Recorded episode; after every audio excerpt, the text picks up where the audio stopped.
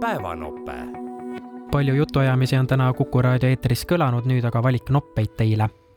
majandusminister Tiit Riisalo on välja töötanud majanduse elavdamise paketi, millest üks osa on ka personaalriigi ülesehitamine. personaalriigiga seotud arendused läheksid aga maksma suurusjärgus paarsada miljonit eurot. Tiit Riisalo selgitas Hommikuraadios, kust see raha tuleb see on äh, põhimõtteliselt ju valitsuse otsustamise koht, kust see raha tuleb.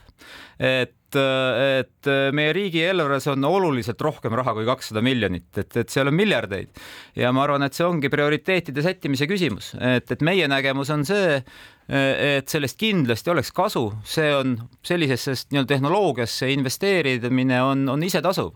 et, et on noh, tehtud siin loomulikult ei ole kõike seda võimalik eurotäpsusega välja arvutada, aga on noh, niisugune ekspertide konsensus, et üksi nii-öelda praegune Eesti digiriik selle tõttu, et hoiab meile kokku aega, kokku aega säästab kaks protsenti sisemajanduse kogutoodangust. see on tegelikult see, mis me kuni viimase ajani investeerisime oma kaitsesse. Poleks nii-öelda piltlikult öeldes võib öelda, et digiriik on meile andnud võimaluse oma riiki kaitsta ja, ja loomulikult tuleb seal minna detaili sisse, see kakssada miljonit on väga indikatiivne summa, mis on loomulikult noh, läbi kalkuleeritud teatud tasemeni, aga välja tulid ennekõike selleks, sellest tingituna, et meil on mingit huvi selle, selle numbriga nagu noh, nii-öelda eputama hakata, aga toimus esimene valitsuse arupidamine, kolmkümmend jaanuar, kus räägiti, mis hakkab järgmise aasta eelarves saama, eks ole, teadupoolest on praegu riigieelarve strateegias kirjas nelisada miljonit eurot sisustamata makse, me hakkasime seda seda arutama, aga meie soov oli tõmmata pilt laiemaks, rääkida ka sellest, eks ole, et mitte üksnes maksudest, vaid mis me ka tegema peame ja mis on võimalikud teised tuluallikad, et kui me räägime sellest samast personaalsest riigist, siis üks selle väljund on ju, on ju vajaduspõhised toetused. et ja, ja praegu me tegeleme ka selle analüüsimisega, et aru saada, mis on need kohad, kus nii-öelda arendatud digiriiki saaks vajaduspõhiste toetuste elluviimiseks võimalikult kiiresti rakendada ja seal on ka võimalikud kokkuhoiukohad hetkel kuulavad ilmselt võib-olla saadet ka, ma ei tea, minu vanaema, Sandri vanaema mm, -hmm. väga paljud vanaemad, vanaisad äh, mujalgi. tervitame neid. kes on, äh, kes on personaalriigi sihtrühm, kes on see sihtgrupp, kes sellest kasu saab, ma mõtlengi seda, et kas minu äh, näiteks vanavanemad, kas nad oskaksid sellest mingisugust kasu üldse lõigata või see ongi umbes noh, meie istume siin, räägime tarka digijuttu, et kellele see mõeldud on? ei no ikka kindlasti kõigile, eks ole, noh, kui te natuke selle peale mõtlete, siis, siis juba, juba juunikuus me loodame siis äh, ühe selle personaalriigi olulise komponendi ehk siis M-riigi äpi välja tuua. Ja, ja kogu seda nii-öelda seda kõike läbi mõeldes mõeldakse ju ennekõike selle peale, et ei ole mõtet muidu teha kui, kui riigiteenuste kasutamine muutuks lihtsamaks, et kui teie vanemad on või vanavanemad on nutiseadme kasutajad, siis see kindlasti läheb neile oluliselt eh, mugavamaks, lihtsamaks ja arusaadavaks, nagu ma ütlesin, kolm näpuliigutust. et, et see on see eesmärk, kas see kõik realiseerub juunikuuks, loomulikult mitte, aga samm-sammult me seda ehitame. kõneles Tiit Riisalo Soome presidendivalimised võitis konservatiivse koonderakonna kandidaat Aleksander Stubb saates Sihik rääkis põhjanaabrite järgmisest presidendist Sven Sakkov, kes on Eesti suursaadik Soomes. ta on, ütleme, väga särav esineja, suudab äh, destilleerida äh, päris keerulised asjad äh, üksikutesse punktidesse, tal on alati kolm kuni viis punkti iga teema jaoks. Aleksander Stubbi noh, karjäär Soome sisepoliitikas äh, jättis ma äh, nagu, jääb mulje talle sellise mõruda maitse. Äh, aga nii-öelda välispoliitikas on, välispoliitika on olnud tema tugev külg ja on raske ette kujutada paremat ettevalmistust, kui temal selleks ametikohaks on välispoliitika just nimelt teadmise poolest valimistulemused olid siiski suhteliselt tasavägised, Stubb viiskümmend üks koma kuus ja siis roheliste toel kandideerinud endine välisminister ja vist kolmandat korda püünele selles positsioonis astunud kandidaat Pekka Haavisto nelikümmend kaheksa koma neli protsenti häältest. tegemist oli ikkagi tasavägiste kandidaatidega ja lendaks kohe küsimust, et ega nüüd Soome sellepärast lõhestunud pole pärast neid valimisi Soome oskab ennast peale noh, sellist nagu valimiste aegset äh, eri suunadesse tõmbamist eh, minu hinnangul päris kenasti uuesti kokku võtta eh, keskele. selle üheks heaks näiteks oli ka see, et, et kui eile õhtul siis Stubb käis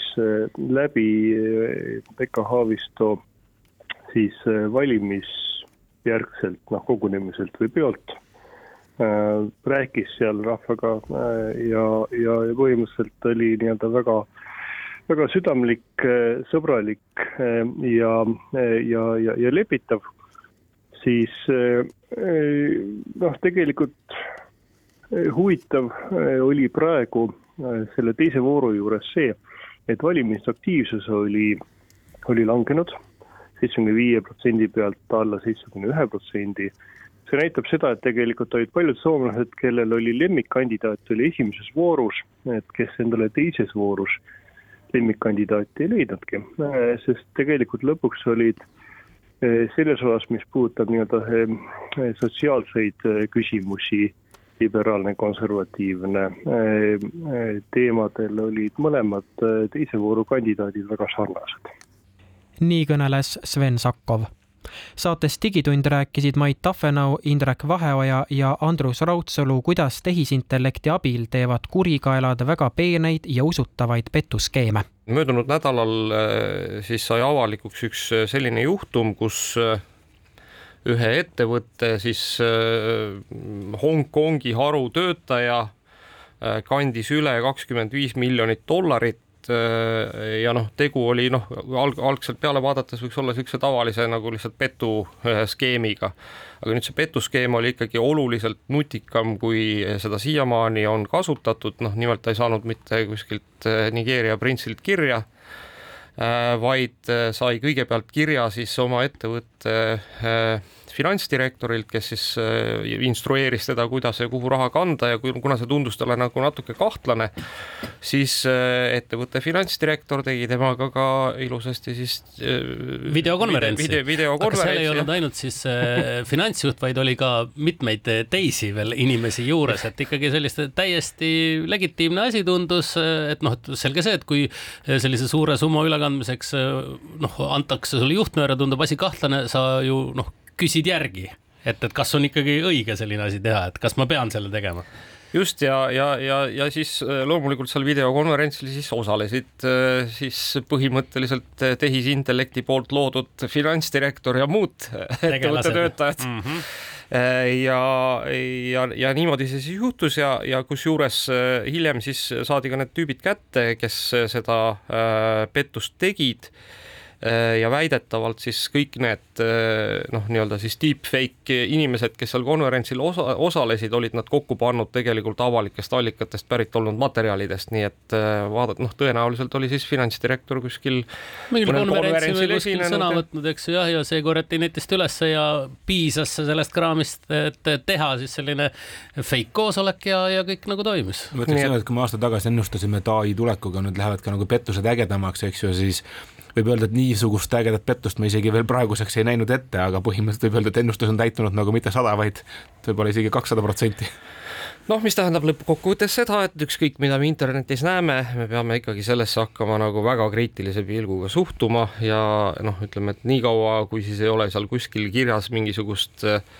noh, krüpteeritud allkirja, mis ütleb, et, et see pilt on tõenäoliselt, tõeliselt äh, tegelikkusest maha pildistatud, siis tuleb pigem arvata, et tegu on mingisuguse asjaga, mis on lihtsalt sünteetiliselt loodud. mis tuletab meelde, et ega pikka aega on ka kahtlustatud, et ühe riigi president on siin tihtipeale nagu hoopis masina poolt kõnedesse monteeritud, mitte nagu ise seal kuskil esinenud no,. kõik need läbi inimeste minevad käed ja seal on olnud, eks. selline sai Digitunni saade kõiki eetris olnud intervjuusid saab aga järele kuulata Kuku raadio veebist või Playeri äpist. päevanope